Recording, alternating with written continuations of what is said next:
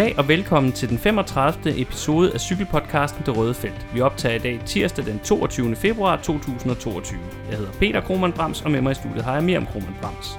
Du finder os alle de sædvanlige steder, hvor du normalt finder din podcast, det vil sige Spotify, Apple Podcast, SoundCloud, Stitcher og diverse podcast-apps til Android. Derudover må du gerne følge os på de sociale medier og dele vores indhold, hvis du synes om det, vi laver. Du finder os på Facebook under facebook.com-theredzone.dk og på Twitter under twitter.com-theredzone.dk eller handlet snablag theredzone.dk. Her kan du også skrive til os, hvis du har nogle spørgsmål eller emner, som du gerne vil have, at vi tager op i vores programmer. I denne uge er World Tour blevet skudt i gang med ugetabløbet UAE Tour, og i den kommende weekend begynder sæsonen for alvor med den europæiske åbningsweekend, hvor Omloop Red Neusblad og Kyren Bryssel Kyren traditionen tro indleder klassikerkalenderen 2022. I dette femte og sidste sæsonoptagsprogram gennemgår vi klassikerne og de 18 World Tour holds planer for denne del af sæsonen, og så slutter vi udsendelsen af med årets første løbsoptag til World Tour løbet Omloop Red Neusblad. Lad os så komme i gang. Ligesom i sidste program, så vil vi lige starte med en kort gennemgang af årets øh, World Tour kalender, når det kommer til klassikerne, endagsløbene. Øh, og det man måske overordnet kan sige øh, om den her del af kalenderen, World Tour kalenderen, det er, at det er en meget øh, eurocentrisk oplevelse, når man kigger på den, hvor der var lidt øh, ikke-europæisk indslag på etabløbskalenderen, i hvert fald i starten og i slutningen af den, øh, så er der, når det drejer sig om endagsløbende, meget fokus på Europa, når vi snakker øh, cykelsportens fineste løbsklasse. Som sagt begynder World Tourens øh, klassikerkalender, den begynder her i den kommende weekend med omlop Red Neusblad, der køres her lørdag den 26. februar. Så øh, gælder det weekenden efter, den lørdag den 5. marts, det italienske grusvejsløb Strade Bianche. Og så går der to uger inden, at vi lørdag den 19. marts har det første af de fem berømte monumenter, altså de fem største endagsløb, nemlig La Classissima Milano Sanremo, der også køres i Italien. Det er så lørdag den 19. marts. Det markerer samtidig overgangen til brostensdelen af klassikersæsonen, der indledes med det tidligere tre dage ved Panden, der nu hedder Classic Bryggepande, der køres onsdag den 23. marts, efterfulgt af Mini-Flanderen rundt, eller E3 Harlbække, som løbets rigtige navn er 25. marts, og så sidevindsløbet Gent Wevelgem søndag den 27. marts. Så er der i midt i næste uge, onsdag den 30. marts, Dvarstor Flanderen, inden at det så er tid til årets anden monument, det store flamske brostensløb Flanderen rundt, der køres søndag den 3. april. Og her kommer så en lille varians i kalenderen, som vi ellers kender den. Hvis der er noget, klassikerne ellers er kendt for, så er det jo, at de repræsenterer kontinuiteten og gentagelsens kunst i cykelsporten. Men i år er der sket en lille ændring i den ellers så fastlåste klassikerkalender. Vil du lige præsentere den mere? Jamen, hvad andet end den store Macron, Monsieur le Président, kunne komme ind og lave om på den ellers fuldstændig fasttømrede klassikerkalender.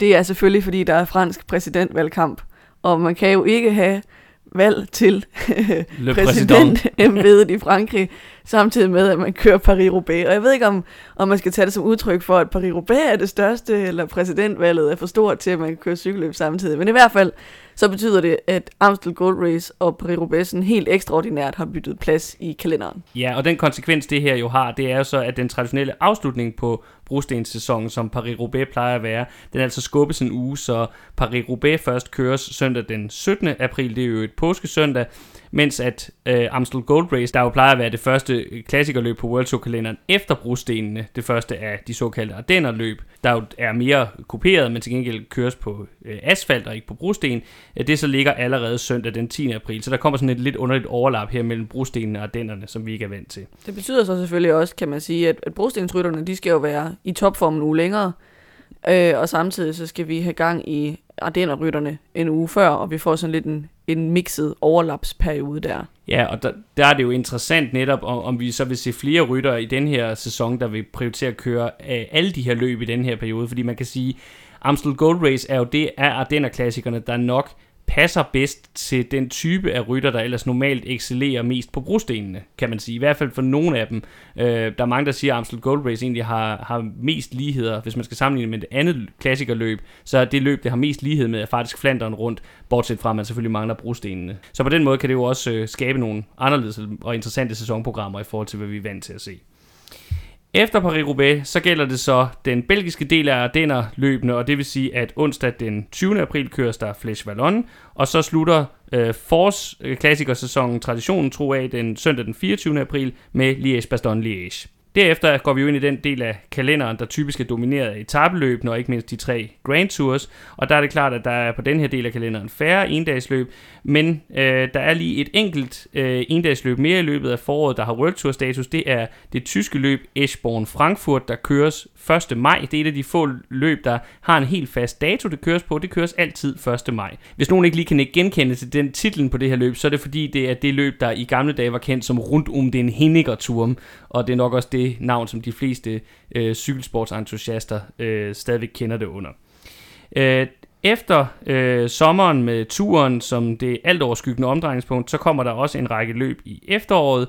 Det første er den spanske øh, bakkede, nærmest bjergrig øh, endags øh, klassiker, øh, Classica San Sebastian, der køres søndag den 30. juli. Det er søndagen efter turen. Så er der det store sprintermonument i Tyskland, Hamburg Cyclassics, der køres øh, den 21. august. Så er der det lille franske semi-kuperede løb Britannia Classics, der køres den 28. august. Og så har vi World Tourens eneste ikke-europæiske indslag, når det drejer sig om endagsløb, nemlig de to kanadiske løb Grand Prix de Quebec og Grand Prix de Montreal, der køres henholdsvis 9. og 11. september. Endelig så er der VM i cykling. Det er jo egentlig ikke en del af World Tour kalenderen, men vi tager det med alligevel, fordi det er måske det vigtigste endagsløb på hele, i løbet af hele sæsonen, fordi det var her, man kører om den regnbuefarvede trøje. Øh, det, øh, I linjeløbet for herre i VM køres i år søndag den 25. september, og det køres jo i år i Australien på en semikoperet rute, som nok i særdeleshed igen vil appellere mest til klassikereksperterne i feltet, tænker jeg i hvert fald.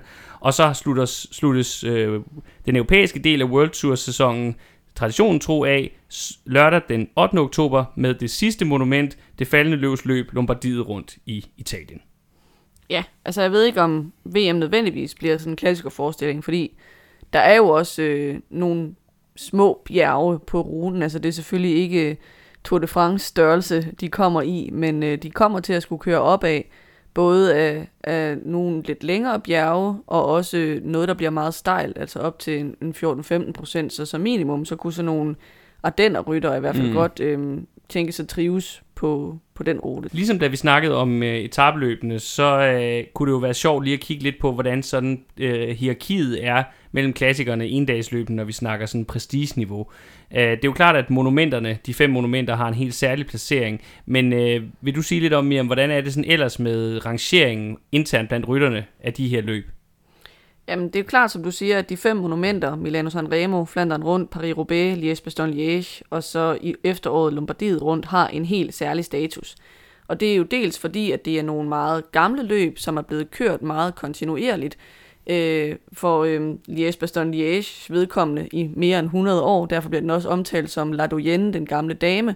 Det ved vi, det er noget, der betyder enormt meget i cykelsport, at det er gammelt og traditionsrigt, så er det også mere prestigefyldt. Det er den ene ting, og den anden ting er, at, øh, at det er nogle løb, som udværker sig ved, at de er meget længere end, øh, end andre løb. Så vi er jo vant til i dag, at de professionelle herrerytter, de kører på ruter, der er gerne omkring 200 km. Det er endda en lang etape, hvis det er et etabeløb.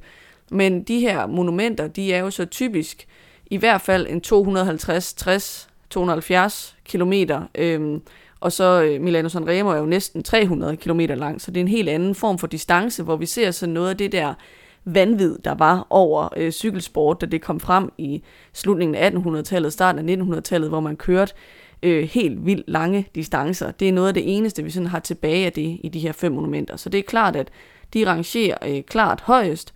Øhm, og der er nok også en tendens til, at man så synes internt der, at der er noget, noget måske lidt mere særligt ved at vinde Flandern rundt og Paris-Roubaix, fordi det foregår på brosten. Liège udmærker sig så ved at være den ældste. Milano Sanremo er sprinternes helt store prize, og så kan man sige, at Lombardiet rundt er der, hvor dem, som typisk vil kunne vinde en Tour de France, øh, også kan få mulighed for at tage en monumentsejr. Det kan de også i Liège. Øhm, men Lombardiet rundt er måske den, som er mindst prestigefyldt, også fordi den sådan ligger der, hvor den gør i efteråret, og den har også en tendens til at skifte rute meget mere fra år til mm. år, end de andre øh, monumenter gør. Øhm, så det er sådan de fem monumenter. Så man har kan, vi, man kan ja. måske også sige om dem, at øh, det er jo så også, det, det er ikke grund til, at det er dem, der er de fem monumenter, men en, en sideting ved dem er jo også, at de er så forskellige. Altså, de, de går jo fra Øh, det er godt nok meget lange, men alt overvejende flade Milano Sanremo over Flanderen, som har brosten og er kuperet videre, videre til Roubaix, der øh, ikke er kuperet, også er helt fladt, men til gengæld har endnu flere og endnu vanskeligere brosten, til øh, Liège, der er det ældste og er øh, mere kuperet end nogle af de tre andre, vi har øh, kørt ind til da, når man når til det tidspunkt på kalenderen, og så til Lombardiet, som jo i mange udgaver er et reelt bjergløb, kan man sige. Ja, det er selvfølgelig derfor, at, altså også derfor, at det er meget prestigefyldt at vinde alle fem monumenter, fordi at det viser noget om, at man skal være ekstremt alsidig, og der er jo også kun tre ryttere i hele cykelsportens historie, der rent faktisk har formået at gøre det. Altså Eddie Merckx, øh, Roger de Flaming, og så den mindre kendte uh, Rick van Looy. Som, som stadigvæk dog, hvis man ser på hans karriere, er en rigtig, rigtig stor rytter. Jo, jo. Øh, men, men ikke, så kendt, kendt. ikke så kendt som de to andre, det er rigtigt nok. Øhm, hvis vi så ser på de andre løb, øhm, så er det selvfølgelig mest oplagt, at de appellerer til nogle forskellige ryttertyper. Ikke? Altså vi har øh, nogle løb, som meget klart er til brostensrytterne, ikke? altså for eksempel omløb, Classic Brygte Pande, et træ, Gent Wevelgem, Dvarstor Flanderen. Øhm, og så har vi noget, der mere er over i det kuperede, altså hvor vi har, øh, ud over Liège Bastogne Liège, øh, Flèche Wallonne, Amstel Gold Race, Classica San Sebastian, øh, de to kanadiske øh, endagsløb, og så selvfølgelig monumentet øh, Lombardiet rundt, øh, hvor man kan sige, at det er nogle meget forskellige ryttertyper, der vil kunne gøre sig i de løb, og så har vi de de flader, som for eksempel Hamburg Cyclassics, Ekbron Frankfurt, ud over Milano Sanremo, øhm, som kan vindes af, af sprinterne. Ikke? Mm. Øhm, så der kan man sige, der er det også lidt afhængigt af, hvad for en ryttertype man er, hvad for nogle øh, vil man så helst vinde, hvis man kan sige det sådan. Øhm, så er der selvfølgelig nogle af dem, man kan sige, som, som har mere prestige, uanset hvilken kategori de tilhører. For eksempel, så tror jeg da ikke, at, at Classic Brygge de Pande er sådan noget, folk ligger og drømmer om, før de falder i søvn, når de sådan skal Ej. fantasere om deres store sejr, hvis de skulle ønske én ting i karrieren. Det er et øhm, knap så prestigefyldt etabeløb, der er blevet slået sammen til et endagsløb, og som så har fået World Tour status øh, i den forbindelse. Mm. Øhm, så er der et løb som Gent Wevelgem til gengæld, som vi talte om lige inden vi begyndte at optage, som jo har en lang øh, og prestigiøs øh, historie, som er sådan et løb, man rigtig gerne vil vinde, selvom det ikke er i monumentklassen, og som også øh, er et meget langt løb, øh, ligesom monumenterne, og som har meget sin egen rute, øh, sammenlignet med for eksempel et træ, som jo, som du sagde, lidt er sådan et mini-Flandern rundt, hvor man kan varme mm. op til Flandern rundt ved at køre på pr- næsten præcis den samme rute, bare i kortere udgave. Øh, så hvis man skal kigge på sådan en upcoming, løb, så er Strade Bianche jo faktisk et, et relativt nyt løb, øhm, men som bare har fået øh, kæmpe høj prestige i løbet af no time, og også har taget turen op af altså de professionelle niveauer meget hurtigt. Øhm, altså det er på meget få år gået fra at ligge i den laveste kategori af professionelle løb til at være et World Tour løb, fordi at det bare med det samme blev fuldstændig ikonisk med de her hvide grusveje, hvor støven bare står op, når rytterne mm. kører henover. Og det, det er sådan en blanding af, af svært underlag og meget kuperet. Øhm, så det er et løb, der selvom det ikke har nogen særlig lang historie, er et, som rigtig mange ryttere rigtig gerne vil vinde. Øh, så vil jeg også pege på Amstel Gold Race og Flèche Wallonne som nogen, der virkelig står højt på ønskelisten, altså som rangerer lige uden for monumentstatus. Øh, mm. Øhm, mens man kan sige, at de kanadiske løb, Quebec og Montreal, der er vi mere ude i igen noget af det her med, at man gerne har vil ekspandere cykelsporten mm. til andre kontinenter. Øh, så har man givet de her to løb World Tour status, så man har nogle World Tour løb i Canada, selvom det egentlig ikke måske sådan helt harmonerer med deres historie, deres prestige, ruten og så videre. Øh, Britannia Cycle Classics, der kan man måske sige, der er man ude i sådan lidt et, et decline, hvor der har været mere prestige tilknyttet det løb tidligere, øh, og så er det så lidt øh, for nedadgående, ikke? Ja. Øh, det samme vil jeg sige om, om Ekborn Frankfurt. Mm. Øh, så Helt der klar. er nogen, der alle dage har været store, så er der nogen, der er på vej op, og der er nogen, der er på vej ned. Ja, det må man sige. Og noget, jeg synes, der, kunne, der er lidt interessant også at nævne her, det er, at øh, før vi fik øh, Worldturen og Pro Touren før det, øh, så havde man jo øh, det her regnskab øh, omkring endagsløbene, der hed World Cup'en, den her årlige konkurrence, øh, hvor man over 10 af de her endagsløb kørte om en World Cup trøje, og om at være, så at sige, den bedste endagsrytter i cykelfeltet i løbet af en sæson.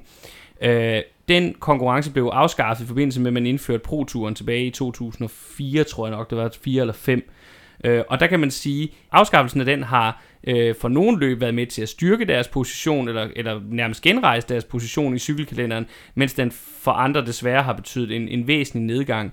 Man kan sige, at... Øh, at øh, de løb, der var på World Cup, som jo var de fem monumenter og plus fem andre, de har i hvert fald i, i et vist omfang bevaret deres status. Amstel Gold Race for eksempel var også en del af World Cup'en og er jo stadig et meget prestigefyldt løb. Men så er der løb som Gent Wevelgem og øh, Flash Vallon for eksempel, som er store historiske løb, men som faktisk på grund af World Cup'en tabte en lille smule prestige i nogle år men som så efter øh, den nye øh, sæsonstruktur øh, har vundet meget af det tabte tilbage, virker det i hvert fald som om. Mens at man så til gengæld har øh, sådan øh, et løb som øh, ja, øh, Classics Hamburg måske, og også øh, øh, øh, klassiker San Sebastian, som måske har, har mistet lidt betydning. Øh, og, og hvis vi skal tage de helt grælde eksempler, øh, så er der jo øh, Paris Tour, som faktisk var et World Cup løb, men i dag ikke engang er en del af World Touren, øh, et fransk øh, endagsløb. Og så det, det tidligere så hedderkronet svejtiske endagsløb, Meisterschaft von Zürich, som faktisk slet ikke eksisterer længere, som også var en del af World Cup'en. Så det er også sjovt, hvordan det her det sådan har ændret sig i, i, over tiden. Men en ting er sikkert, det er, at de fem monumenter har altid været øh, de største, sammen med VM selvfølgelig skal vi lige understrege, som jo øh, på grund af regnbuetrøjen også er fuldstændig ikonisk og afgørende. Øh, og sådan øh, vil det også formentlig være mange år fremover. Nå, nok om historie. Lad os komme til at snakke om, hvad holdenes øh, planer er for 2022. Og ligesom i sidste program, så gør vi det på den måde, at vi tager udgangspunkt i verdensranglisten fra sidste år, starter fra toppen og går nedad. Så det første hold, vi skal snakke om, det er et af klassikerholdene par excellence, det er selvfølgelig Quickstep. Og øh, ja, hvis vi skal starte med øh, brostenssæsonen, som jo er det, der kommer først, så er det jo en af Quicksteps helt store prioriteter, og der har de jo den her sindssygt stærke kvartet, som de stiller op med. Ja, og man kan sige, at øh, til brostensløbene, det er deres helt store force jo netop, at de har flere vinderbud, flere vinderkort, som de kan spille ud på forskellige tidspunkter i de her meget lange, meget taktisk svære løb. Øh, de kan skiftes til at sætte dem med i forskellige udbrud, som gør, at de kan køre med hver eneste gang, der er et vigtigt ryg. Og det betyder, at Quickstep har næsten altid mindst en, og ofte også flere øh, gode bud på vinder og siddende i de afgørende ryg, og de grupper, der så ender med at komme til at køre om sejren. Og konkret, der er det på brostenene vores øh, egen danske Kasper Askren, der nok er det allerstærkeste kort faktisk på holdet. Men så har de jo også en Lampere, en Stibar, en Senechal, som lige så godt kan være den, der ender med at køre væk i det afgørende moment i løbet og, og snupper den helt store triumf til holdet. Øh, det skal så siges, at øh, det er jo faktisk kun Askren, der har et monument på øh, sit cykel-CV indtil videre, øh, mens at øh, Yves Lampere og Stenik Stibar kun har vundet de mere sekundære løb som omlober i tre af Dvarstov Flandern. Øh, så han har da sådan en lidt en, øh, en kaptajnstatus, Askren, men selvfølgelig i den typiske sådan quickstep flade hierarki struktur øh, delt kaptajnrolle. Ja, det er jo den øh, opskrift, de har kørt med i rigtig mange år, som har givet dem succes, men jeg er helt enig, der må ikke være nogen tvivl om, at Askren nok oven på sin sejr i Flandern rundt sidste år er det største navn. Og der skal ikke være nogen tvivl om, at klassikerne er en monsterstor prioritet for Quickstep, og øh, der skal minimum et monumentsejr, vil jeg sige, ind på kontoen, for det ikke skal have været en, en delvis skuffende klassikersæson for, for Lefebvre og Co. Lidt i forlængelse af det, lidt i relation til det, så er det måske lidt overraskende, at øh, den helt store klassikerstjerne på holdet, Julian Alaphilippe, ikke kommer til at være til start i nogle af af brostensløbene i år. Øh, de sidste par sæsoner, der har verdensmesteren øh, indgået i brostensplanerne på en eller anden måde, men øh, hans fokus lader i år til at være ensidigt på de mere kuperede klassikere. Øh, man kan sige, at han mangler fortsat også en sejr i de mest øh, prestigefyldte af løbene, altså monumenterne. Han har hverken vundet øh, Liège-Bastogne-Liège eller Lombardiet rundt, som nok er de to øh, monumentløb, han umiddelbart har den bedste chance for at vinde. Øh, og øh, selvom han er en udmærket tekniker, og også har vist, at han kan køre brosten. Øh, så det kunne meget vel være det, der ligesom er hans store sæsonmål, når vi snakker endagsløb i år, det er at få en monumentsejr med hjem, enten fra Liège eller Lombardiet. Ja, øh, jeg vil så sige, at han kunne lige så godt have vundet øh, Flandern rundt det år, hvor han sad i finalen sammen med øh, øh, Van Aert og Van der Pol, og så endte med at blive kørt ned af en motorcykel. Ja, det var et sort uheld. Det kørte måske lidt selv ind i den, men ja. øh, han har i hvert fald helt klart øh, kvaliteterne til også at sidde der i finalen i, i Flandern rundt. Men altså, det kommer han så ikke til i år, så det ikke ud til.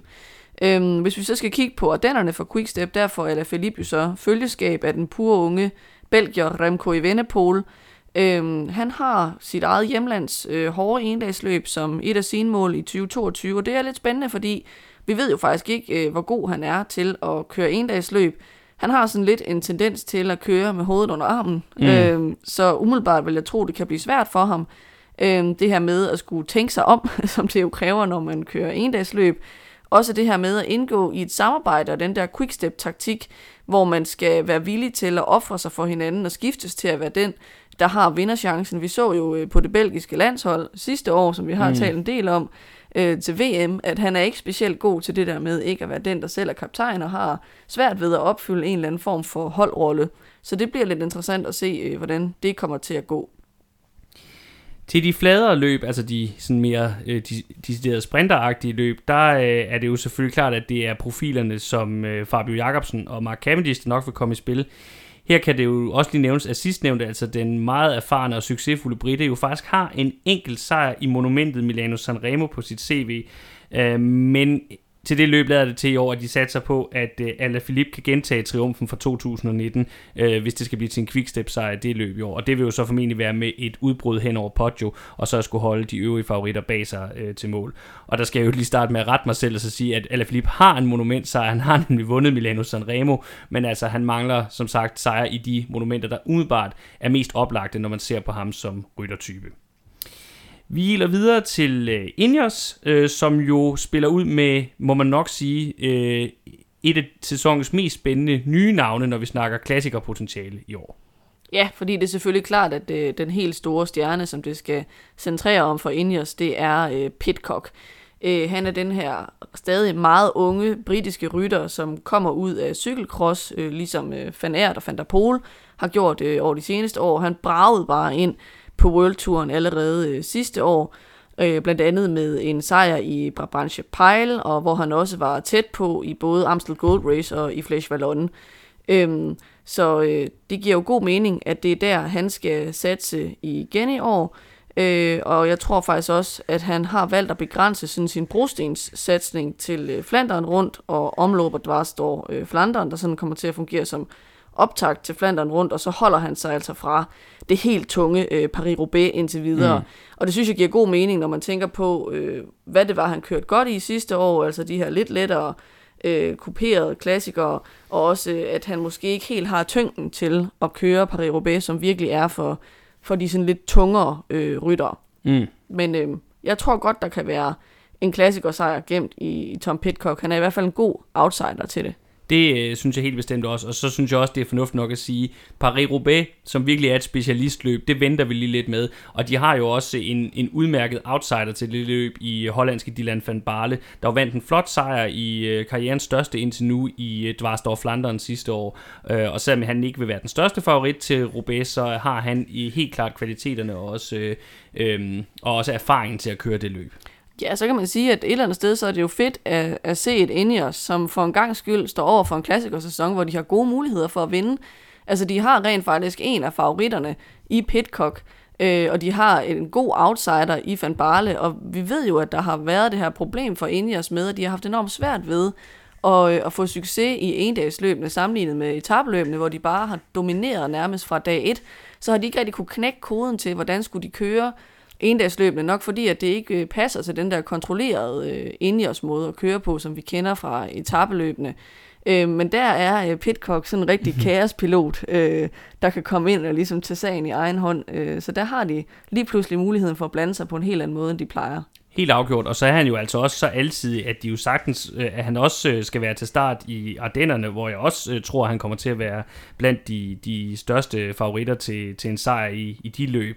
Der vil han så få selskab til dels af Adam Yates, som vi jo ved har øh, eksplosiviteten til i hvert fald øh, at gøre sig i de her løb. Han kan også køre de endnu hårdere løb, som for eksempel øh, San Sebastian, som han jo tidligere har vundet, og også Lombardiet vil være en, en udmærket scene for ham at gøre sig i. De har også øh, Kwiatkowski til start i Ardennerløbene. Den polske eks har også tidligere gjort det rigtig fint på brostenene, men han har i år valgt at dedikere sig til nogle øh, specifikke mål. Det bliver Strade Bianche og Milano Sanremo, som han jo begge to tidligere har vundet, og så Ardennerløbene, hvor han jo også har en sejr i Amstel Gold Race på CV'et.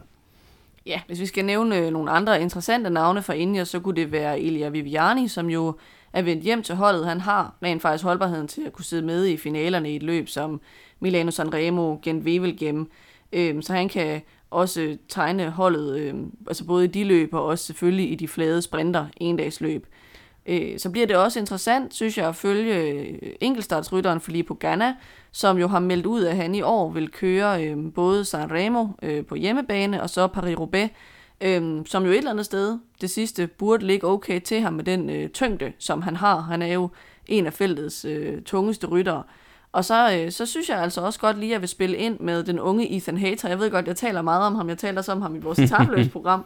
Øhm, men han er altså meldt til start i både øh, Flandern Rundt og Flèche Wallonne og Liège og i Sanremo.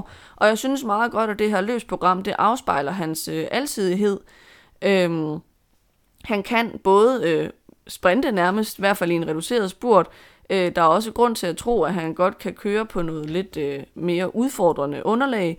Øh, vi ved, at han også kan køre etabeløb. Han er virkelig en alsidig rytter. Øh, jeg synes, det bliver spændende at se, også fordi det kan måske give en indikation på, hvad for en vej han vælger at gå.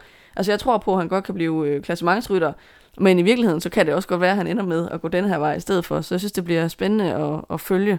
Øh, han havde nogle, øh, nogle sådan, øh, top 10 resultater, eller udkanten af top 10 resultater i nogle små endagsløb sidste år. Så jeg tror, at han i hvert fald har den der taktiske sans, der skal til for at køre godt i et endagsløb. Ja, det jeg tror, udfordringen med ham lige nu, det er, at vi simpelthen ikke ved nok om, hvad for en type af rytter han er. Øh, og det er også derfor, det er lidt svært at finde ud af, bliver det etabeløb, bliver det endagsløb, hvor er det, vi kommer til at se ham for alvor i år. Men det bliver i hvert fald rigtig spændende at følge. Så går vi videre til Jumbo, øh, det tredje hold her i topgruppen af, af øh, World Tour mandskaber. Øh, og for dem, der må man sige, der handler klassikersæsonen først og fremmest om Wout van Aert. Ja, når det hedder Brosten, så er det ikke Team Jumbo Visma, men Team, team Jumbo van Aert. øh, de har jo hentet øh, en stribevis af dygtige øh, endagsryttere tilholdet i transfer, som vi har talt om, blandt andre øh, øh, Tish Benot og Christophe Laporte. Men man har alligevel klart det indtryk, at det er Van Aert, som det hele kommer til at handle om. Øh, han er selvfølgelig også bare en megastjerne. Han begynder sin sæson i omløb, og så fortsætter han ellers bare hele vejen frem til og med Paris-Roubaix, hvor han skal køre alle de store endagsløb. Øh, så man kan sige, alt er sat ind på, at han skal vinde. Det er også næsten overraskende, hvis ikke han kommer ud med, med én sejr. Selvfølgelig mm. er der en vis tilfældighed over endagsløbene, men vi ved, at han har den der evne til at sidde i finalen og køre top 10, hver gang han, øh, han stiller op. Øhm, han kommer så til at have løjtnanter i form af, af og Laporte, ikke? og de vil i princippet begge to kunne være outsider til et topresultat. Hvis de kørte øh, quickstep-modellen, så vil man sige, at de alle tre kunne vinde, ikke? Men Fanart, han virker ikke som typen, der gerne vil køre quickstep-modellen. Han virker som typen, der gerne vil være kaptajn for sig selv. Øh, og Tish Benot, han har også meget sådan beskeden meldt ud, at ja, hvis han lige sidder det rigtige sted på det rigtige tidspunkt, så kan han måske få lov at køre sin egen chance, men i udgangspunktet, så skal de altså både ham og Laporte være hjælperytter for Fanært.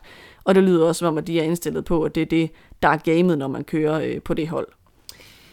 De allermest kopierede løb, dem springer Fanart dog over indtil videre, og her overtager Primoz Roglic så i stedet for scenen sammen med Tom Dumoulin og Jonas Vingegaard.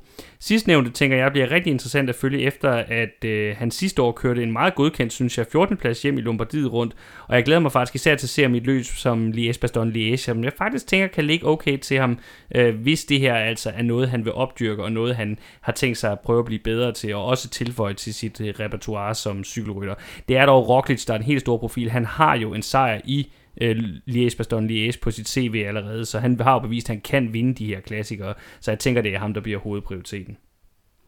Ja, øh, hvis vi skal nævne nogle sidste relevante navne, så kunne det være øh, Mike Tønnesen, øh, som dels har noget hurtighed, dels også skal gøre sig til på brostenene. Så er der folk som øh, Affini, også den nyindkøbte Tosh van der Sande, og to unge navne i David Dekker og, øh, og øh, Koi, jeg ved ikke, hvordan vi skal udtale Koi.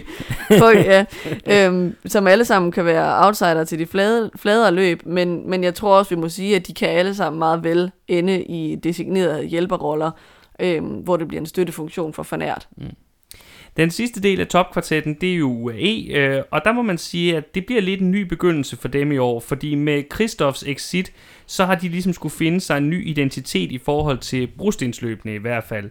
Øh, den primære, det primære og gennemgående navn i den første del af klassikersæsonen, det bliver Matteo Trentin, der skal køre alle løb hele vejen fra omløb Het Neusblad og så helt til Paris-Roubaix. Problemet med den rutinerede italiener, det er jo bare, at selvom han tit sidder med i finalen, så vinder han meget sjældent. Ja, og man kan jo næsten også tale om, at han har fået et Mads P-kompleks. Ja, det Efter siges. at uh, Mads Pedersen slog ham til uh, VM, så har han altså flere gange haft problemer med både at kolde i finaler efter lange løb, og også med bare at blive slået af Mads Pedersen i finaler. Sikken skæbne. Øhm, ja, så det vil sige, at øh, holdchefen Fernandes, han kommer jo også til at skulle spille nogle andre kort ud øh, på brostens underlaget. Og der er et af de kort, han øh, ser ud til at vil spille på bordet, den nyindkøbte sprinter, Pascal Ackermann. Øh, I hvert fald er han sat til at skulle forsøge sig i Roubaix, og også i Omloop, og igen Wevelgem, og i Dvarstor Flandern, altså ud over de øh, spr- øh, sprint, flade sprinter en dags løb. Øh, og så samtidig, så kan vi også se, at øh, Tadej Pogacar, superstjernen vi kender fra Tour de France, han altså skal debutere i Flandern rundt med Dvarstor som opvarmning. Der vil jeg så sige, det tror jeg ikke så meget er ud af, af en desperation over, at vi vinder ikke med Trentin. jeg tror mere, det er fordi, at øh, Tour de France-ruten jo i år kommer til at indeholde brostenstykker. Øhm, så derfor er det relevant for Pogacar lige at have prøvet at køre øhm, på brosten i sådan en øh, konkurrencelignende Tour de France-situation, inden han skal kaste sig ud i det til turen.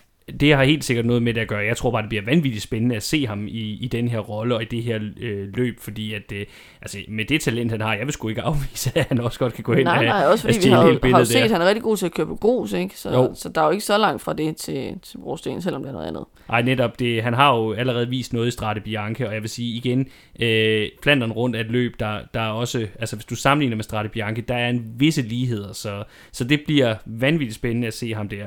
Hans primære mål på Gacha, når vi snakker klassikerne i år, det bliver dog igen de mere kuperede løb som øh, Liège og Lombardiet, som han jo begge to vandt sidste år. Han skal også køre Strade Bianche igen, og så er han også til start i, i Flesh Vallon. Øhm, han vil, han vil dog blive sekunderet i nogle af de her løb af Mark Hirschi, som desværre dog er startet sæsonen med igen at være på skadeslisten med nogle af de samme problemer, så vidt jeg har hørt, som øh, dem han led af sidste år. Øh, så har de også en, øh, en udmærket rytter i Diego Ulisi, som dog vist nok mangler de der helt store klassikerresultater, så man egentlig som type tænker, at det, var, at det er nogle løb, der vil passe rigtig, rigtig godt til ham. Øh, og, men altså igen, den primære øh, sekundant bør nok være Hirschi i de her løb, men, og han har jo virkelig noget, han skal revancere oven på sidste år, der var en kæmpe skuffelse. Ja, jeg, altså jeg tror, det han er ude med lige nu, det er, at han er blevet opereret i hoften igen, ikke? Altså da, inden han skiftede til UAE, øh, der var han jo ude øh, hen over vinteren, og så trak det også ind i hans første sæson på UAE-holdet, at han var ude med den her hofteskade. Og så har de så simpelthen åbnet det en gang til og opereret ham igen øh, her hen over vinterpausen. Så derfor så mener de har meldt ud, at han tidligst kommer til at være klar i marts, men det kan også godt være, at det bliver senere. Øhm, så man kan sige, selv hvis han, han når at være nogenlunde klar, så er spørgsmålet også, om han kan nå at ramme topformen. Øhm, så er der jo også øhm, sådan en som Joao Almeida, de har fået over fra Quickstep, som man tænker, han burde også være et kort, man kunne spille ud her. Men han er ikke meldt til start i øh, Ardennerløbene, og det hænger formentlig sammen med, at han skal køre Giro d'Italia, og som vi har talt om før, så er det svært at kombinere Ardenner øh, topform med Giro d'Italia topform.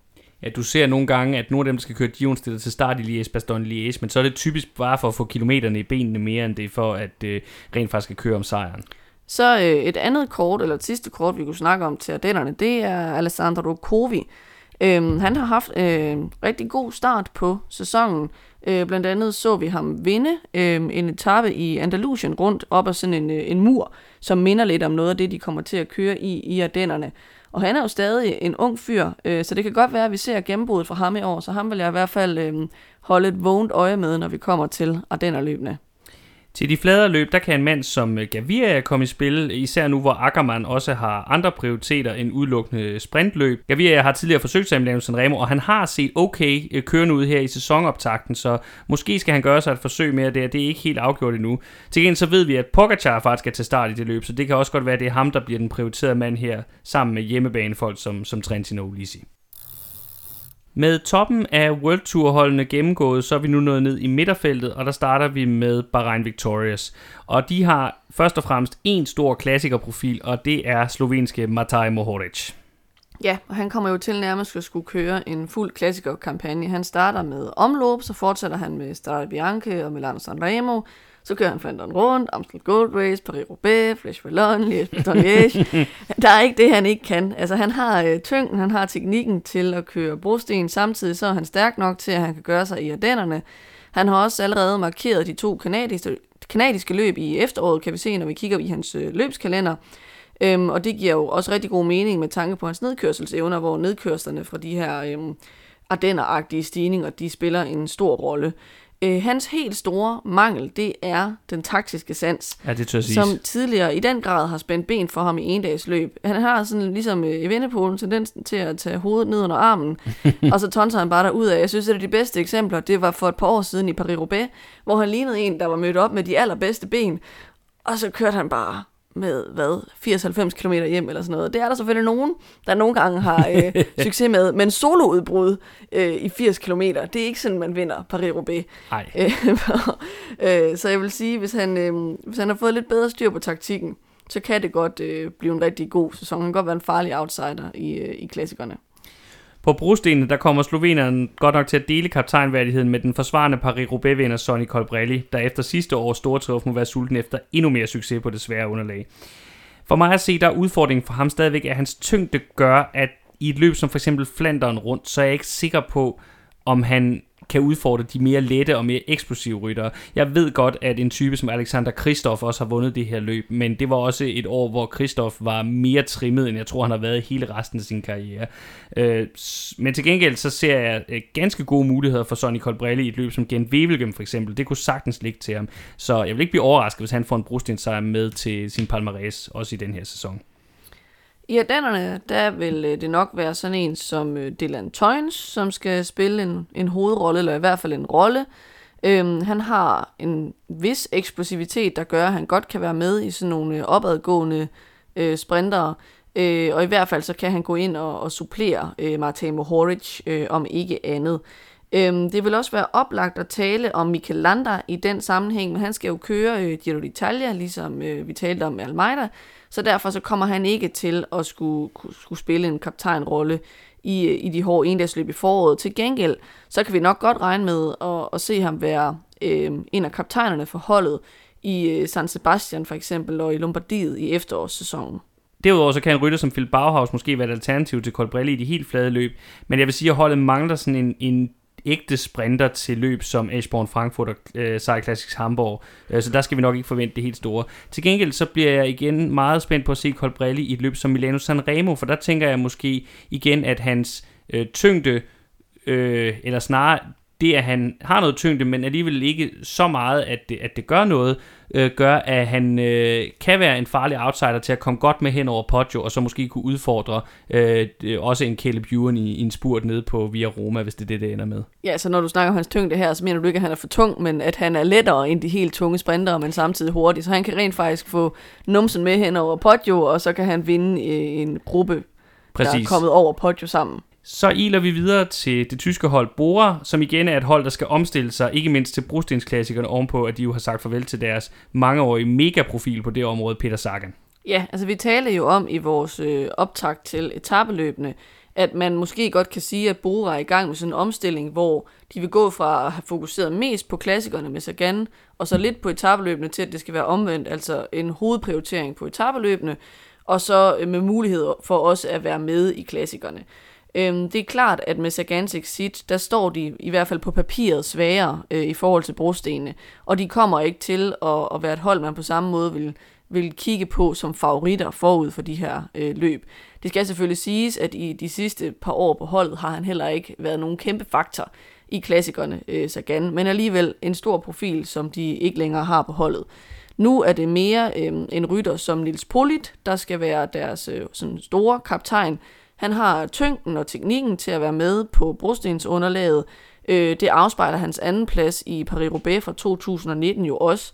Øh, problemet er, at han ligesom øh, nogle andre øh, brostensrytter mangler evnen til at, at afslutte i høj fart. Øh, så han skal nærmest altid alene til mål for at have en chance for at vinde. Hvis han kommer hjem med en eller flere andre ryttere, så kommer han bare ikke til at vinde, fordi han ikke har øh, topfarten til øh, at, at vinde i sådan en sprinter-duel. Øh, så man kan måske se ham som en lidt yngre udgave af, af Sepp van Marke, ikke? Altså en, der er rigtig god til brosten, men hvis han kommer hjem i en gruppe, så vinder han bare ikke. Nej, men han er nok stadigvæk deres øh, bedste kort til de her løb. Øh, de har nogle andre interessante navne i deres trup, men hvis vi for eksempel kigger på en rytter som den unge Jordi Møs, så mangler han jo endelig, så mangler han jo at lave sit endelige gennembrud som klassikerrytter. Og så er der sådan en type som Danny van Poppel, som bestemt har nogle kvaliteter, men hvor det bare er meget tvivlsomt, om han overhovedet har topniveauet til at udfordre på de til at udfordre de bedste på de største scener. Det, det er jeg i hvert fald meget i tvivl om. Ja, i virkeligheden så har de nok bedre vinderchancer i, i Ardennerløbene og de endnu mere kuperede løb. Altså sådan en rytter som Maximilian Schachmann, han mangler selvfølgelig stadig den helt store klassikersejr, men han har været tæt på med tredjepladser i både Liège-Bastogne-Liège, Strade Bianche og Amstel Gold Race. Øhm, så der kunne godt være en klassikersejr gemt i ham i, i den her sæson.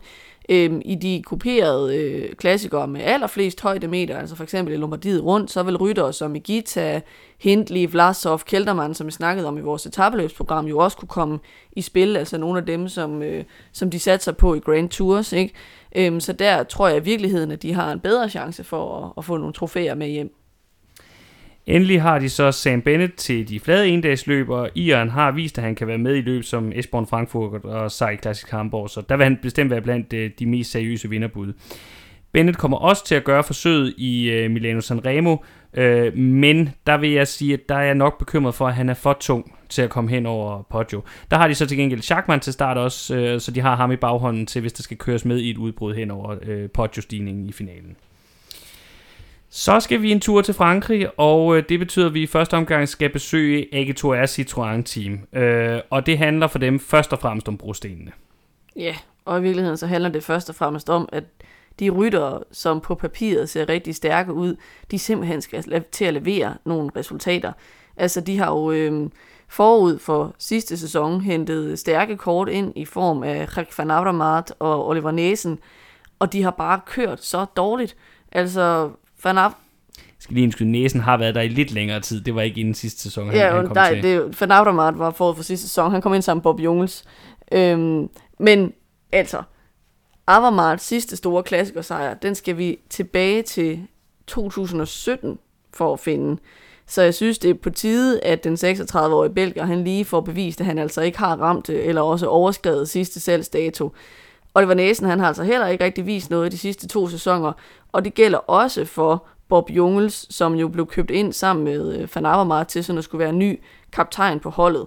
Øhm, det kom sammen med sådan en økonomisk saltvandsindsprøjtning fra Citroën, og det har simpelthen bare ikke, øh, det har de ikke fået konverteret til sportslige resultater. Øhm, så det må være et kæmpestort mål for, for AG2R, simpelthen at få nogle ordentlige resultater på, øh, altså på kontoen i klassikerne. Det behøver ikke måske at være sejre, men i det mindste nogle podier og nogle top 5 placeringer, så man kan se, at de rent faktisk kan være med i de løb, som det er meningen, at holdet skal, skal brillere i.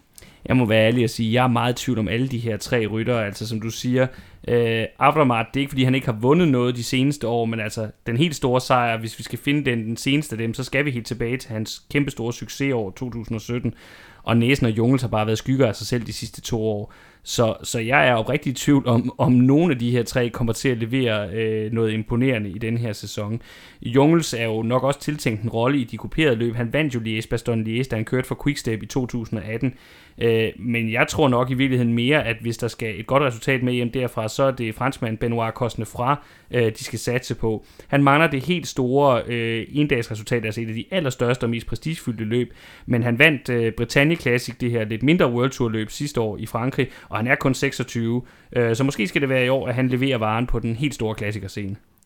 Ham øh, synes jeg også bestemt er, er et af de mere spændende kort øh, i AG2R's trup. Øh, så kan man sige, at i de fladere løb, der er det måske sådan en som øh, Max Aro, øh, de skal sætte deres lid til. Han har godt nok mest haft succes øh, på laveste endagsløbsniveau indtil videre. Øh, men han burde sådan have farten i stængerne til at kunne levere nogle resultater i de flade øh, klassikere. Men altså, samlet set vil jeg sige, øh, det ser bedre ud på papiret, end jeg tror, det kommer til at være i praksis for AG2R. Og det er jo den tendens, de skal prøve at vinde, øh, vende her i, i foråret. Mm. Lidt det samme kunne man måske sige om deres øh, landsmænd fra Gruppe Maj FDJ, i hvert fald når vi snakker klassikerne. Uh, man kan sige, hvis vi skal starte med at kigge på deres uh, brugstenssatsninger, så har de jo en uh, Schweizer i truppen, der meget gerne vil være noget, som han måske ikke helt er. Ja, det er uh, Stefan Køng, uh, som jo er en rigtig dygtig enkeltstartsrytter, og som nok drømmer om at være den nye kancelarer Øh, men det er som om, at der er sådan lidt langt fra drøm til virkelighed for den kære Stefan Køng. Øh, det går jo som sagt fint på enkeltstarterne, om end han så ikke helt når Cancellara øh, ah, der. Det, ja. øhm, men altså, han har slet ikke været i nærheden af sin landsmands øh, meritter på brostenene. Sidste år der blev han for eksempel nummer 44 i Flandern rundt, og han udgik af Paris-Roubaix, så der er lidt langt til de store brostens øh, sejre der. Og man kan sige, at øh, øh, den rytter, der sådan skal sekundere ham i de løb, der, der er måske også mere drøm end virkelighed i det for ham, øh, nemlig Arnaud Demar. Det er klart, han er en stor og rimelig hurtig franskmand. Selvfølgelig vil han gerne ind på velodromen først og vinde Paris-Roubaix. Øhm, men det har bare ikke været nogen succes de år, han har satset på øh, Roubaix. Øh, jeg vil tro, at hans bedste bud på en, øh, en monumentsejr mere, det skulle være endnu en sejr i, i Milano Sanremo, øh, og ellers i nogle af de andre helt flade løb.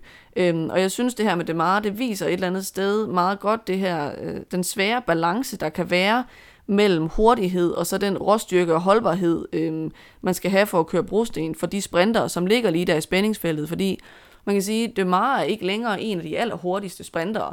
Øh, det har kostet på hans fart, at han har forsøgt at blive brostensrytter, og man har især kunne se det i de sæsoner, hvor han virkelig har satset på Rubetta, har det kostet på, hvor mange etappesejre han så har vundet. Øhm, men samtidig så er det heller ikke lykkedes ham for alvor at slå igennem som brostensrytter. Øhm, så, så det er bare nogle gange svært at, at få de der to ting til at spille sammen. Hvor det ser svært ud på brostenene, så synes jeg til gengæld, de har noget rigtig interessant potentiale, når vi snakker de mere kuperede løb. Øh, de har nemlig en rigtig, rigtig giftig outsider til de her klassikere i form af David Gody. Den lille 25-årige franskmand har jo virkelig et eksplosivt antrit, og det er jo lige præcis det, der skal til, hvis man skal kunne gøre sig i, i den her type af, af klassikere. Øh, det viste han også sidste år med en tredjeplads i Liège Baston Liège, og han fik også top 10 placeringer med hjem i både Lombardiet og i Flash Vallon. Øh, til de helt hårde løb, der kan han så også blive suppleret af Thibaut Pinot, Øh, det er jo igen et meget stort spørgsmålstegn, hvilken form han er i, om han nogensinde bliver den rytter igen, som han var tidligere. Men rammer han sit topniveau, så har han jo vist, øh, ikke mindst med sejren i Lombardiet rundt i 2018, at han altså sagtens kan finde ud af at køre klassikere. Det er, er intet problem for ham, hvis han rammer formen. Et sidste navn, jeg gerne vil nævne, det er Jake Stewart. Jeg ved godt, at det ikke blev til en lige så stor sæson sidste år, som man måske havde troet, det skulle være for World Tour-debutanten. Men han blev dom nummer to i, i omløb. Øh, så jeg synes godt, at man kan forvente, at han kan køre med i nogle af de fladere af klassikerne. Øh, I hvert fald vil jeg ikke afskrive ham. Så rejser vi til Mellemøsten og til pensionistferiebadeklubben, eller hvad vi nu skal kalde dem, i forhold med Israel Premier Tech. Uh, og vi må sige, at når vi snakker brosten, så satser de igen på, at 2022 bliver året, hvor Sepp van Marke endelig vinder en stor brostensejr. Ja, det er nok ikke der, jeg vil sætte mine penge, hvis det var mig. øh, han er jo efterhånden blevet 33 år, øh, den kære belgier. Øh, han havde et hederligt 2021, skal vi lige sige. Han fik for eksempel en femteplads i Flandern rundt. Øh, men det er også som om, at det er lidt af det, det bliver til. Ikke? Det er nogle øh, pæne top 5 placeringer, når det går godt. Øh, fordi han bare mangler hurtigheden, ligesom vi talte om med, med Niels Poli tidligere. Det er bare rigtig svært for ham, hvis han kommer hjem i en gruppe, at være den, der kommer først over stregen, fordi han bare er langsommere end en snegl i de der øh, spurtopgør. øhm, så derfor så tror jeg også mere på, at, at sejrene kan komme i, øh, i enten de kuperede løb eller i, øh, i de flade løb, fordi at de har jo også danske Jakob Fuglsang, som er kommet over på holdet, øhm, som måske kunne gøre det godt i Ardennerne igen. Han havde den her øh, vilde sæson i, i 2020, hvor han blev nummer 3, 2 og 1. Øh, Ej, det var i, øh, det var i 2019. Eller, undskyld, i 2019. Øh, og så i 2020 vandt han øh, Lombardiet rundt. Den kunst kan han nok ikke gøre efter, men mindre kan også gøre det. Øh, vi kunne også øh, godt tænke os at se ham folde sig ud i, i Flandern rundt. Øh, og så er der jo en, en Nitsolo, der er kommet til holdet, som øh, måske kunne gøre sig forhåbninger om at komme hen over øh, Poggio i Milano Sanremo. Øh, så vil han ligge øh, rigtig lunt i svinget til at, at tage en sejr der på hjemmebanen, og han kunne også godt... Øh, levere nogle resultater selvfølgelig i de andre øh, sprinter, flade, klassikerløb. Ja, det man skal vide om Nitsudo er faktisk, at han også er en rimelig hederlig brustensrytter.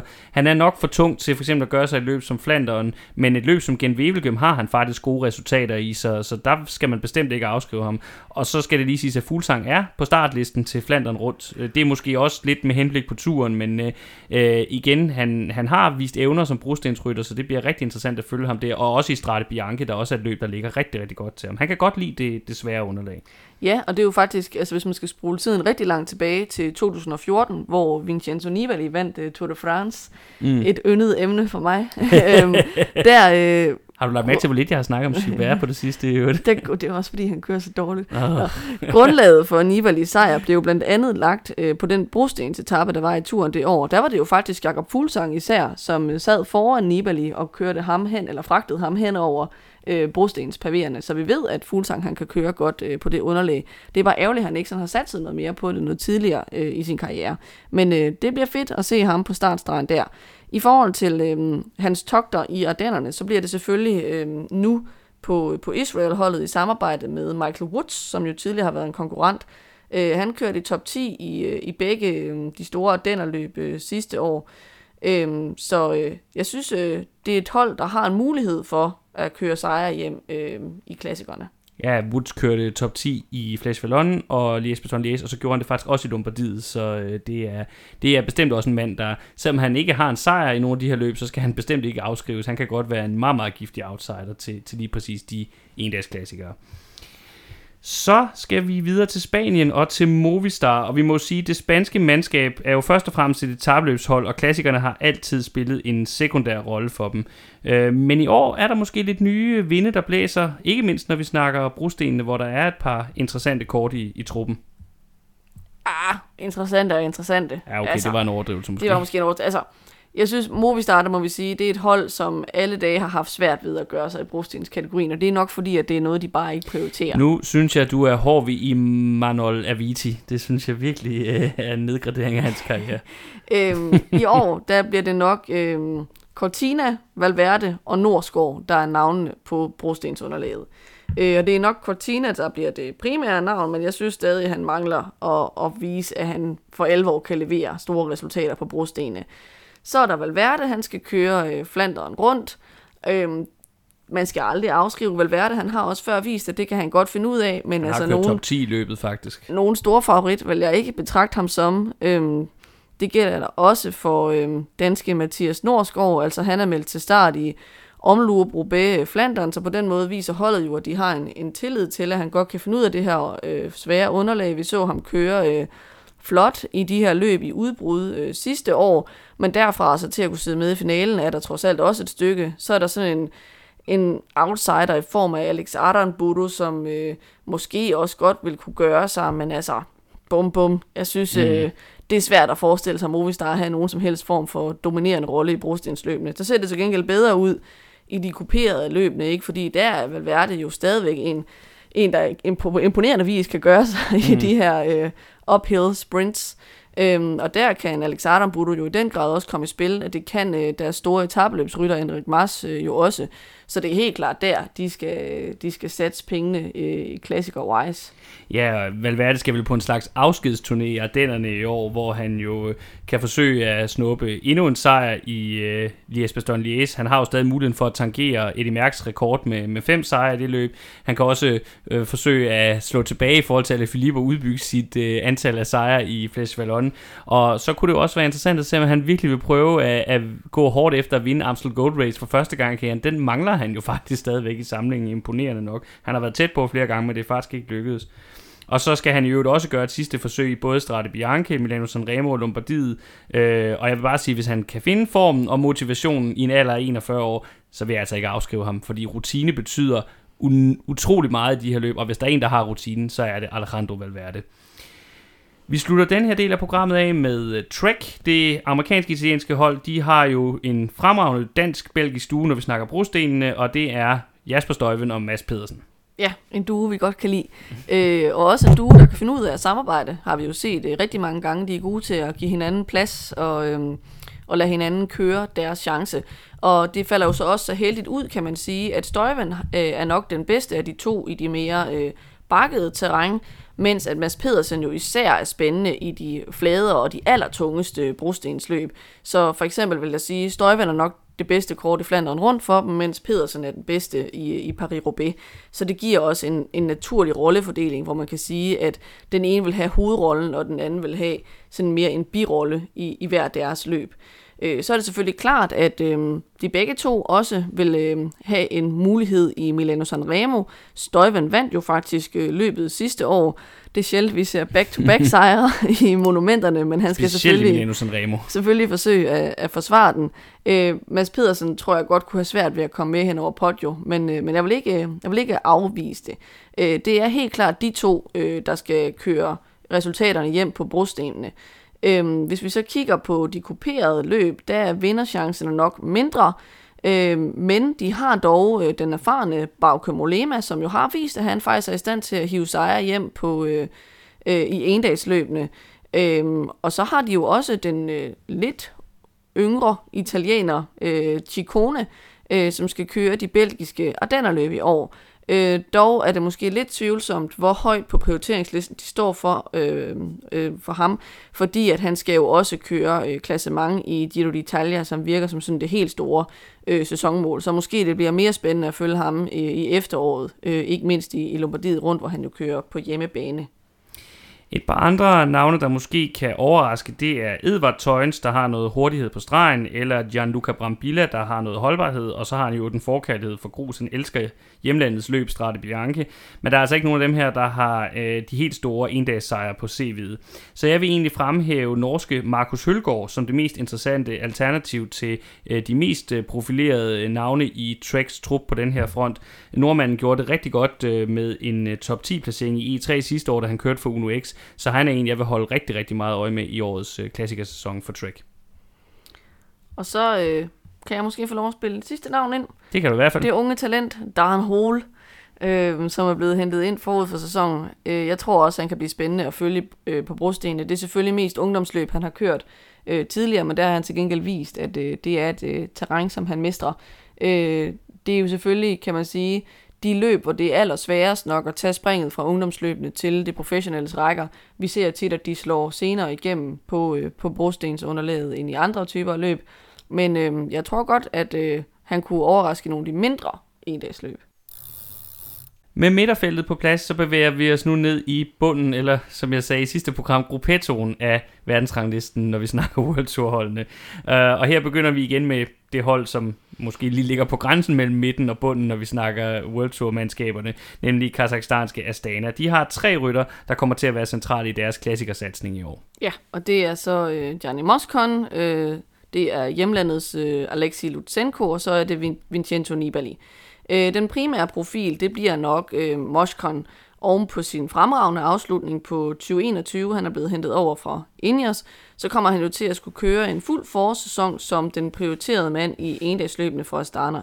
Han begynder med øh, Strade, Bianche og Milano Sanremo, og så kommer Brostenene, og så slutter han af med Ardennerne. Øhm, og jeg tror også godt, at vi kan regne med, at vi kommer til at se ham i, i efterårets kuperede løb. Og det, der jo er så specielt og fedt ved Moscon, det er, at han, øh, han mestrer alle terrængerne, og han kan gøre det godt både øh, i de helt hårde brostensløb, og samtidig også i et løb som Lombardiet rundt. Det er ikke mange ryttere, der kan præstere at køre top 10 øh, begge steder. Øh, så det er sådan lidt en, en Wout van Aert-agtig kvalitet, mm. han har ved, at han i princippet vil kunne vinde, tror jeg, alle fem monumenter. Altså jeg vil sige, at, at sammen med øh, Fanert og så Mohoric, så tror jeg, at han er, han er den mest alsidige klassikerrytter i feltet lige nu, hvis du ser på, hvor mange terrænger han kan gøre sig i.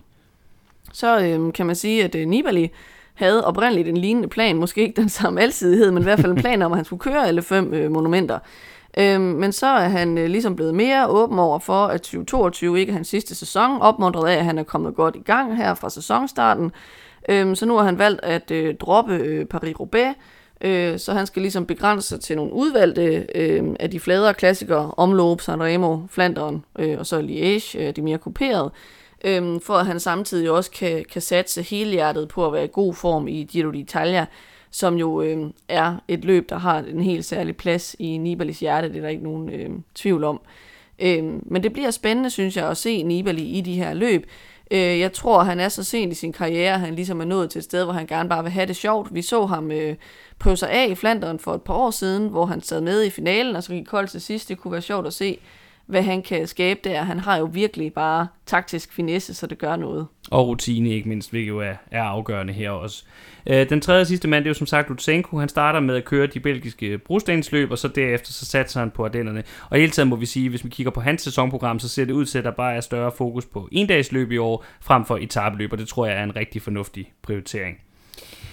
Vi går videre til Intermarché Wanty, som øh, må siges at have brostenene som den helt store klassikerprioritering. De er all in for deres store nye indkøb, Alexander Kristoff. Ja, han er jo kaptajnen på holdet, øhm, og han er også kommet rimelig godt fra start. Han har allerede fået øh, første sejr under bæltet, Øh, og han kommer selvfølgelig til at skulle være deres kaptajn i, øh, i alle de belgiske brostensløb, og også i Milano Sanremo, som han jo tidligere har vundet.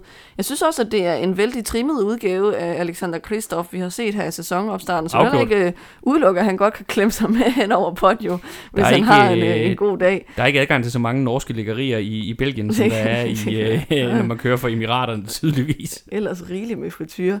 Nå, men øhm, han øh, vil jeg så sige er måske et bedre bud i virkeligheden i, i de flade løb. Altså sådan, øh, han har jo fire sejre i Ekborn Frankfurt, øhm, så der vil han i hvert fald helt klart også kunne, kunne trække nogle øh, sejre hjem til holdet.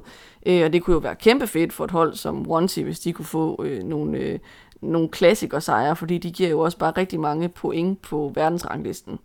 Øhm, de har ikke meldt ud, om Kristoff skal køre Roubaix, øh, men øh, Monique den også kommer på programmet. Øh, jeg kan ikke lige øh, se, hvem det er, de ellers skulle køre for på holdet. Ah, bestemt ikke det er lidt svært at pege på øh, andre, hvor der for alvor, som for alvor kan se som store favoritter til en øh, klassikersejr. Men der er navne som Lorenzo Rota og så den unge øh, eritreaner Girmay, øh, i truppen, som bliver spændende at følge. Og så har vi nogle øh, mere erfarne folk, som øh, Domenico Portovivo, der var kommet på holdet ret sent, og så Jan Hirt, som måske kan bære faklen videre i de mere kuperede løb, mens at vi har sådan en, øh, en ung rytter som Kobe Gosens, der har vist lidt talent, øh, for eksempel her ved endagsløbene på Mallorca i starten af sæsonen, øh, hvor det blev til øh, tre top 10 placeringer og yderligere to 12. pladser. Ja, altså Porto Vivo er jo i den grad ny på holdet. Han signede sin kontrakt den 14. februar, mener jeg det var. Øhm, han er en af dem, der blev til overs, da øhm, Kubeka-holdet øh, lukkede, eller i hvert fald mistede deres øh, professionelle status øh, ved årsskiftet. Øh, og så vil jeg lige indskyde i forhold til Girmay, der er det selvfølgelig især øh, sprinterklassikerne, vi tænker på der, fordi han bliver betragtet som øh, sådan en af fremtidens store sprintere. Tilbage til Frankrig og til Kofidi, der også er et hold, der har måttet ændre strategi i forhold til brostenene, fordi øh, med Laporte skiftet til Jumbo, så har de reelt set ikke et øh, topnavn til den del af sæsonen. Nej, så det bliver nok noget med at prøve en lidt alternativ tilgang med rytter som Max Walscheid og, og så Consoni, øh, som jo ellers har levet sådan lidt en tilværelse som anden violin og, og lead-out-mand, øh, som nok bliver de primære øh, satsninger. Øh, men jeg vil sige, succes er der nok lidt lang øh, udsigt øh, til. Jeg, jeg bliver overrasket, hvis de trækker øh, en sejr med hjem. Altså top 10 placeringer må umiddelbart sådan være øh, succeskriteriet i de der øh, løb. Der er nok mere at komme efter i de kuperede løb, hvor sådan en som øh, Guillaume Martin jo har vist nogle øh, positive øh, tegn over de seneste sæsoner. Øh, de har fået Jonis Aguirre ind på holdet, som også tidligere har haft en vis succes i Ardennerne, øhm, og nok også godt kunne øh, forventes at køre godt i, i italienske endagsløb øh, i efteråret og, og på hjemmebanen i Classica San Sebastian for eksempel. En sidste øh, interessant rytter, der er værd at nævne her, det er Brian Kokar. Han har altid været meget åben om, at han har nogle af de store endagsløb øverst på sin ønskeliste for øh, store sejre i løbet af hans karriere. Øh, og han får simpelthen en fri rolle hen over foråret, hvor han skal forsøge sig med omlåb, øh, Milano Sanremo, Gent Wevelgem og Amstel Gold Race. Og det er nok også, i hvert fald de tre sidstnævnte, de øh, store klassikere, der ligger allerbedst til ham som ryttertype. Så gælder det USA, eller også lidt Danmark, kan man sige, for vi skal videre til danskerholdet EF. Øh, der er to navne, der er helt centrale i deres klassikersatsning. Det er italienske Alberto Bettiol, og så danske Michael Valgren. Alberto Bettiol er jo italiener og starter med øh, hjemlandets løb øh, Strade Bianche og så øh, også Milano Sanremo. Og så efter det, så tager han til de belgiske brostensløb. Og der må man nok forvente, at han har en eller anden form for overkaptajnrolle, fordi han jo tidligere har vundet øh, Flanderen rundt.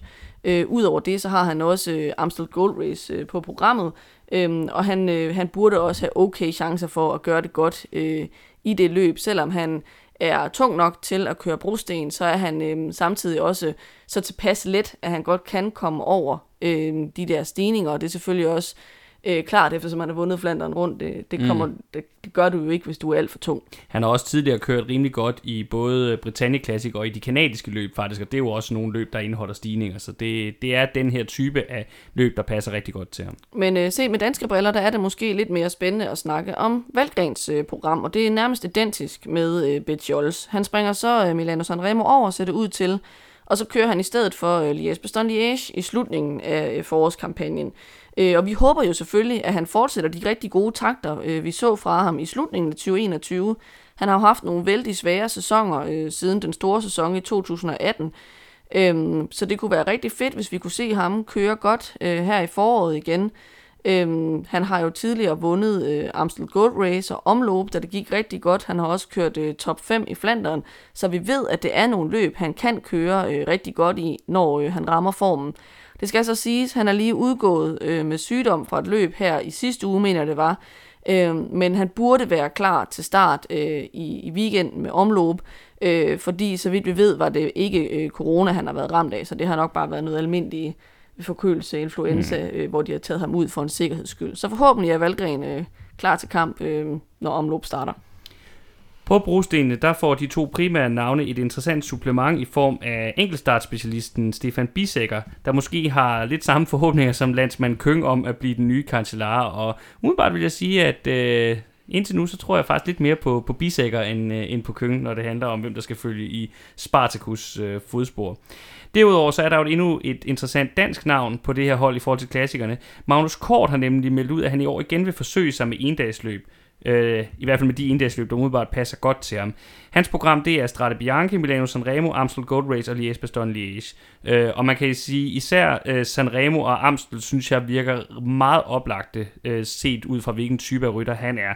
Det store problem er dog, øh, om han er, eller det store spørgsmål er dog, om han har, er kommet ud over sine problemer med placeringsevne, for det er jo det, der tidligere har gjort, at, at han har lidt lignet et longshot som en god klassikerrytter, fordi han simpelthen placerer sig så dårligt i feltet, som han gør. Så gælder det det lille belgiske hold, det belgiske lillebrorhold Lotto, øh, og det må også sige at være et hold, der, der går lidt utraditionelt til værks i forhold til klassikerne i år. For for første gang i mange år, så kommer de ikke med en stor favorit til brostensløbene.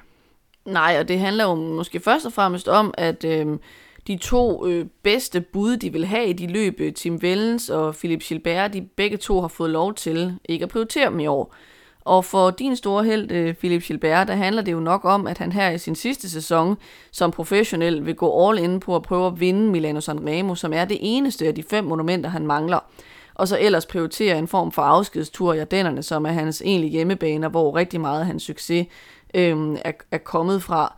Øhm, og det kan man godt diskutere, hvor smart er det, fordi øh, måske brostensløbene vil passe bedre øh, til ham på det her tidspunkt i hans karriere, øh, hvor han måske gradvist er blevet sådan lidt tungere rytter, også i takt med, at han har øh, forsøgt at vinde flere af monumenterne, ikke? altså har lagt nogle flere mm. muskler på. Øhm, og det vil måske også være bedre forenligt med at prøve at vinde øh, Milano Sanremo. Men omvendt kan man også godt forstå det, når det er hans sidste sæson, og han så gerne vil vende tilbage til der, hvor, hvor nogle af de allerstørste triumfer øh, er kommet. Altså det skal jo lige siges, han er jo vokset op nærmest ved foden af Côte de la Redoute, øh, den afgørende eller mest legendariske stigning i de Bastogne Liège, øh, øh, og øh, altså Amstel Gold Race har han vundet fire gange, så jeg forstår godt, at det, at det er det, han ligesom vil slutte af med, men, men jeg er helt enig med dig, at øh, på det her punkt i hans karriere, så det han kan vinde på, hvis han kan vinde stadigvæk, det er på rutine og erfaring, og det har bare større værdi i brostensløbene, der handler meget om, om taktisk forståelse også, end det har i Ardennerne, hvor den her eksplosivitet er så afgørende, og den, den må vi sige, den har det ikke set ud som om, at han har længere, når vi kigger på, hvordan han har kørt de seneste par sæsoner.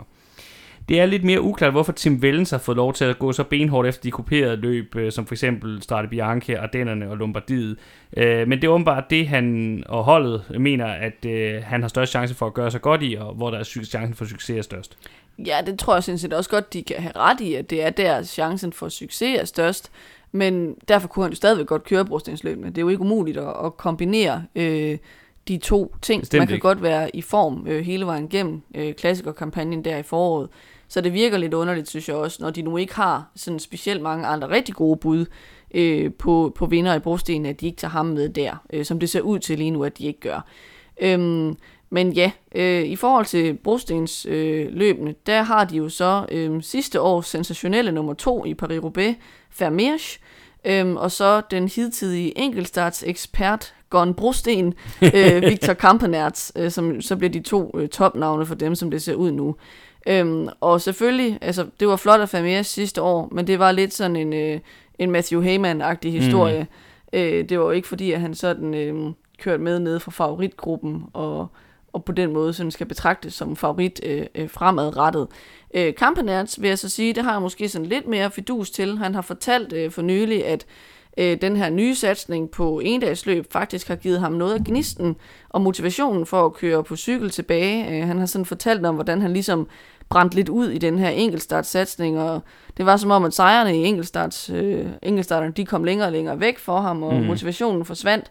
Øhm, og så har han faktisk øhm, fået sådan en helt ny lyst til at køre på cykel, og det plejer jo at være et rigtig godt udgangspunkt. Øhm, så det synes jeg øh, bliver lidt mere interessant at følge. Det skal lige sige, at Florian Vermeers stadigvæk er en relativt ung rytter, så, så uh, sammenlignet ham med Matthew Heyman, er, uh, uh, så skal det være mere være på den måde, han kørte det på. Ja, ja, det var i forhold til, hvordan løbet uh, udviklede sig. Ja, ja, det er ikke så meget på hans potentiale, det kan godt være der, men det er bare ikke realistisk at se ham gå ind og vinde et løb. Det, det var lidt, uh, det var meget overraskende, det, det resultat, han fik i Roubaix sidste år. Et ekstra navn til de hårde løb, det er jo danske Andreas Kron, der havde et rigtig flot øh, 2021 og udsat til at have en fri rolle både i Ardennerne og i Strade Bianche. Og så endelig så skal vi selvfølgelig nævne Caleb Ewan, øh, som jo er relevant i forhold til de flade løb. Og så vil Australien helt sikkert igen også være sulten efter at snuppe Milano Sanremo. Han er jo to gange nu blevet snydt på målstregen, forstået på den måde, at han er kommet spurtende ned bagfra som forreste mand i favoritgruppen, men der har så bare lige været en, der har været stukket af, der har været øh, foran, når de er nået til målstregen. Men øh, jeg er sikker på, at Ewan, hvis han klatrer lige så godt hen over Poggio, som han gjorde sidste år, så vil han være øh, måske den største favorit til Milano Sanremo her i 2022 overhovedet. Næst sidste indslag, det er Bike Exchange, øh, og igen må vi sige, at det ligger til, at det primære klassikernavn igen, det bliver Michael Matthews. Ja, altså det man så kan undre sig over, det er, at indtil videre har de ikke meldt ham på så mange løb. Altså han har kun øh, meldt til start i Milano Sanremo og Amstel Gold Race og Flandern rundt. Øh, men vi må alt andet lige forvente, at der kommer mange flere af de her øh, forårsklassikere på hans program øh, undervejs. I hvert fald så er det svært at se, hvem det sådan ellers er, at de skal, skal sætte deres penge på, skal køre resultaterne hjem på holdet. Og især nu, hvor de har fået øh, Dylan Kronevikken ombord til at køre sprinterne i tabeløbene for eksempel, og også sprinterklassikerne, mm. så virker det helt absurd, hvis de så ikke skal gå all in på, at Matthews skal køre fuld klassikerkampagne. Altså for eksempel, hvis vi kigger på brostensløbene, hvis Matthews ikke kører flere af dem, så bliver deres primære navn i, i mange af de løb, det bliver en anden australier, Luke Durbridge, øh, og hans øh, primære resultater set over karrieren, det er nogle fjerdepladser i nogle af de mindre brostensløb, og de ligger altså et par sæsoner tilbage, så det virker meget uambitiøst, hvis det er det, de, de ligesom vælger at gå med om på den skuffende 2021-sæson, de havde. Til de lidt mere kopierede løb, der har de jo selvfølgelig Simon Yates, der kan komme i spil, men igen, når vi snakker Ardennerne, så er det svært, fordi han har Dion som sæsonmål, og, og derfor så bliver det svært at topform formen til, til de løb. Så det tænker jeg mere handler om øh, efterårsløbene, som selvfølgelig Lombardiet rundt, og så øh, San Sebastian. Sidste øh, opvarmning, eller sidste hold, vi skal gennemgå i forhold til klassikerne, det er Team DSM, øh, og øh, for dem der er det benhårdt satsning på brostenene som det primære mål. Øh, ja, i hvert fald blandt øh, klassikerløbene. Øh, jeg ved ikke, om man sådan kan sige, at de er decideret brostenshold. Det vil jeg nok ikke øh, se Nej, det var som. heller ikke det, jeg mente. Det var bare, at det er brostenene, hvor de har sådan meldt me, flest prioriterede ryttere til indtil videre i forhold til klassikerne. Ja, øh, og et af dem, det er jo øh, den store danske profil på holdet, Søren Krav Andersen, som kommer til at køre tæt på fuld program med øh, Sanremo som det, det første skud i hans bøsse. øh, og så kommer øh, de store øh, brostensløb og Amstel Gold Race efter det. Øhm, han havde jo en fuldstændig forfærdelig sæson øh, sidste år, Søren Krav Andersen, så han skal ligesom øh, ja, starte forfra, hvis tavlen ren, og så prøve at finde øh, benene igen. Vi ved jo, at han kan, når han er, er i rigtig god form. Øhm, men han skal ligesom lige, øh, han skal vise, at den stadig er der, den her sæson. Der er der også andre navne i spil til det svære underlag i form af den tilbagevendte John Degenkolb, og så den tidligere U23-stjerne Nils Ekhoff. Det skal dog sige som de to, at øh, de henholdsvis stadigvæk er langt fra fordomsstyrke, eller mangler sådan at få det endelige gennembrud. I forhold til de virkelig kuperede løb, der er der ligesom i forhold til Grand Tours ikke meldt ret meget ud endnu, men Monique Roman Bardet, der tidligere har vist interesse for endagsløbene, kunne ende på startlisten i flere af disse løb. Han har jo gjort det rigtig godt i et løb som Strade Bianche, og jeg mener også, at han har nævnt Lies Bastogne Lies som et stort karrieremål på et tidspunkt, så det bliver, det bliver jeg vil blive overrasket, hvis han ikke er til start i, i nogle af, af de kuperede klassikere. Og så kan vi endelig lige nævne, at den hollandske sprinter Kees Bol måske vil være et bud til de flade løb, som for eksempel Esbjørn Frankfurt eller øh, Hamburg Cyclassics. Jeg tror dog, han er for tung til Milano Sanremo. Vi vil slutte det her program af med årets første løbsoptakt, fordi i den kommende weekend begynder øh, klassikersæsonen som sagt, og det er med den belgiske brugstensklassiker Omloop Red Neusplat. Der er tale om et løb, der er blevet kørt siden 1945, og oprindeligt blev det grundlagt af den centrum-venstreorienterede avis Het Folk, der ønskede at lave en konkurrent til Flandern rundt, der var organiseret af den konkurrerende avis Het Neusblad, øh, som under 2. verdenskrig havde været lidt for gode venner med den nazistiske besættelsesmagt. Øh, det lykkedes aldrig for omløb at udkonkurrere Flandern rundt, men løbet fik sammen med et andet løb, Kyren Bryssel Kyren, der køres søndag i denne weekend, øh, med tiden en anden markant rolle i kalenderen, hvor de tilsammen udgør den såkaldte europæiske åbningsweekend. Her starter forsæsonen for alvor, og dette er kun blevet mere markant efter at omløb har fået World Tour status. Løbet er i alt blevet kørt 76 gange. Årets udgave bliver således nummer 77. Det er blevet aflyst tre gange, to gange i øvrigt på grund af snevejr, fordi det jo ligger så tidligt på kalenderen, at den slags stadigvæk godt kan spille ind. Rekorden for flest sejre det er tre, og den deles af tre belgier, Josef Bruyère, Ernest Stærks og Peter van Petegem. Løbet arrangeres af Flanders Classics, der også arrangerer mange af de andre store belgiske øh, brostensklassikere herunder selvfølgelig monumentet Flandern rundt. Ruten, som vi lige kort vil vende her, øh, er som vanligt lige lidt over 200 km lang, og som det også har været tilfældet i rigtig mange år efterhånden, så begynder løbet i den store belgiske by Gent. Der var i mange år en fast rutemodel, øh, hvor løbet også sluttede i Gent efter en række rundture i de østflamske Ardenner, det område med de små stejle stigninger, og hvor flere af dem er brostensbelagte, som også udgør rammen om Flandern rundt, og en række af de andre belgiske brostensløb, som vil blive kørt over den kommende godt halvanden måned. I dette setup var det især stigningerne Leberg og Molenberg, som var de afgørende og de sidste, inden at turen gik tilbage til målstregen i Gent.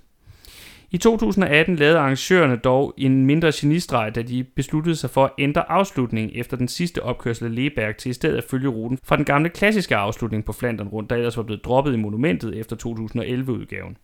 Det betyder, at målstregen nu er placeret i Ninove, og de sidste 30 km øh, leder feltet hen over de to legendariske stigninger muren i Gertsbergen, der er cirka 1 km lang med en gennemsnitlig stigningsprocent på 9,3 og et max på 19,8, og Bosberg, der ligeledes er cirka 1 km lang, har et gennemsnit på 5,8% og et max på 11. De to stigninger kommer med henholdsvis 17,5 og 14 km til mål, og de to stigninger, især muren, kan lave den afgørende udskilling. Men ellers så vil det, kan det også ende med en større samlet spurt ind i målbyen, hvilket er det, vi har set i de seneste to udgaver. En enkelt ændring i øvrigt i forhold til sidste år er, at den klassiske gamle finalestigning Molenberg er pillet helt ud af ruten. Om det er en permanent ændring, vides ikke, men det er i hvert fald noget, der ændrer yderligere lidt på løbets sådan, historiske perspektiv. Men alt i alt må vi sige, at sådan som det har været de seneste sæsoner, så er det mest afgørende, at den nye finale er blevet bibeholdt. Den forsvarende vinder er i øvrigt Davide Ballerini fra Quickstep, men han får ikke lov at forsvare sin sejr i år. Hvis vi hurtigt skal gennemgå favoritterne, så er Quickstep til start med deres øh, kvartet af brostensprofiler, hvilket vil sige danske Kasper Askren, Yves Lampere, Florian Seneschal og Stenik Stibar, og også danske Mikkel Honoré, der dog nok primært skal indtage en hjælperytterrolle. Men som sagt, ingen Davide Ballerini. Jumbo kommer med Fanert og de to assistenter, Laporte og Benot. AG2R har Van Avermaet og Oliver Nassen til start.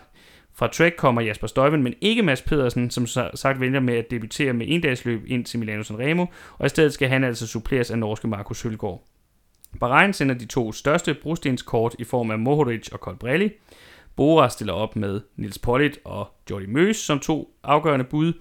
For EF's vedkommende er det danske Michael Valgren, der er i fokus. Som sagt har han været ramt af sygdom op til, så vi må se, hvor tæt på 100% han er, øh, når vi starter igen på lørdag men i hvert fald også et spændende bud på en dansk sejr ud over Kasper Askren. Så er der Ineos, der stiller med den helt store øh, klassiker åbenbaring forhåbentlig i denne her sæson, Tom Pitcock, der bliver rigtig interessant at følge. Israel satser endnu en gang på Van Marke, og at det endelig lykkes for ham i et af de løb, som han rent faktisk har vundet sin karriere. Og så vil jeg som mit sidste hold nævne, der er interessant at følge, nævne Movistar, der med Alex Ardenbodo og Ivan Garcia Cortina har en rigtig interessant duo, der kan være blandt de mest interessante outsider Inden vi siger tak for i dag, så vil jeg lige komme med en anbefaling endnu en gang, og det er, at hvis du lytter til vores programmer og gerne vil hjælpe os med at komme ud til endnu flere, så må du meget gerne give os en anmeldelse i den podcasttjeneste, som du benytter dig af. Så kan det være, at der er endnu flere, der kommer til at kende til os, så det vil vi sætte rigtig stor pris på. Og så vil vi ellers bare sige, ventetiden er over. Nu begynder cykelsæsonen 2022 for alvor. Vi glæder os, det håber vi også du gør, og så glæder vi os ellers rigtig meget til at guide dig året igennem med vores podcast. Det røde felt er en del af sportsuniverset The Red Zone, der også indeholder bloggen theredzone.dk, hvor du blandt andet kan finde links til vores programmer, samt artikler om en anden fed sportsgren, nemlig amerikansk fodbold og NFL, hvor vi efter årets Super Bowl nu er gået på off-season. Vi er tilbage i næste uge med årets første dedikerede optagsprogram. I denne omgang har du lyttet til mig. Jeg hedder Peter Krohmann Brams, og med mig i studiet har jeg haft mere om Krohmann Brams. Vi lyttes ved.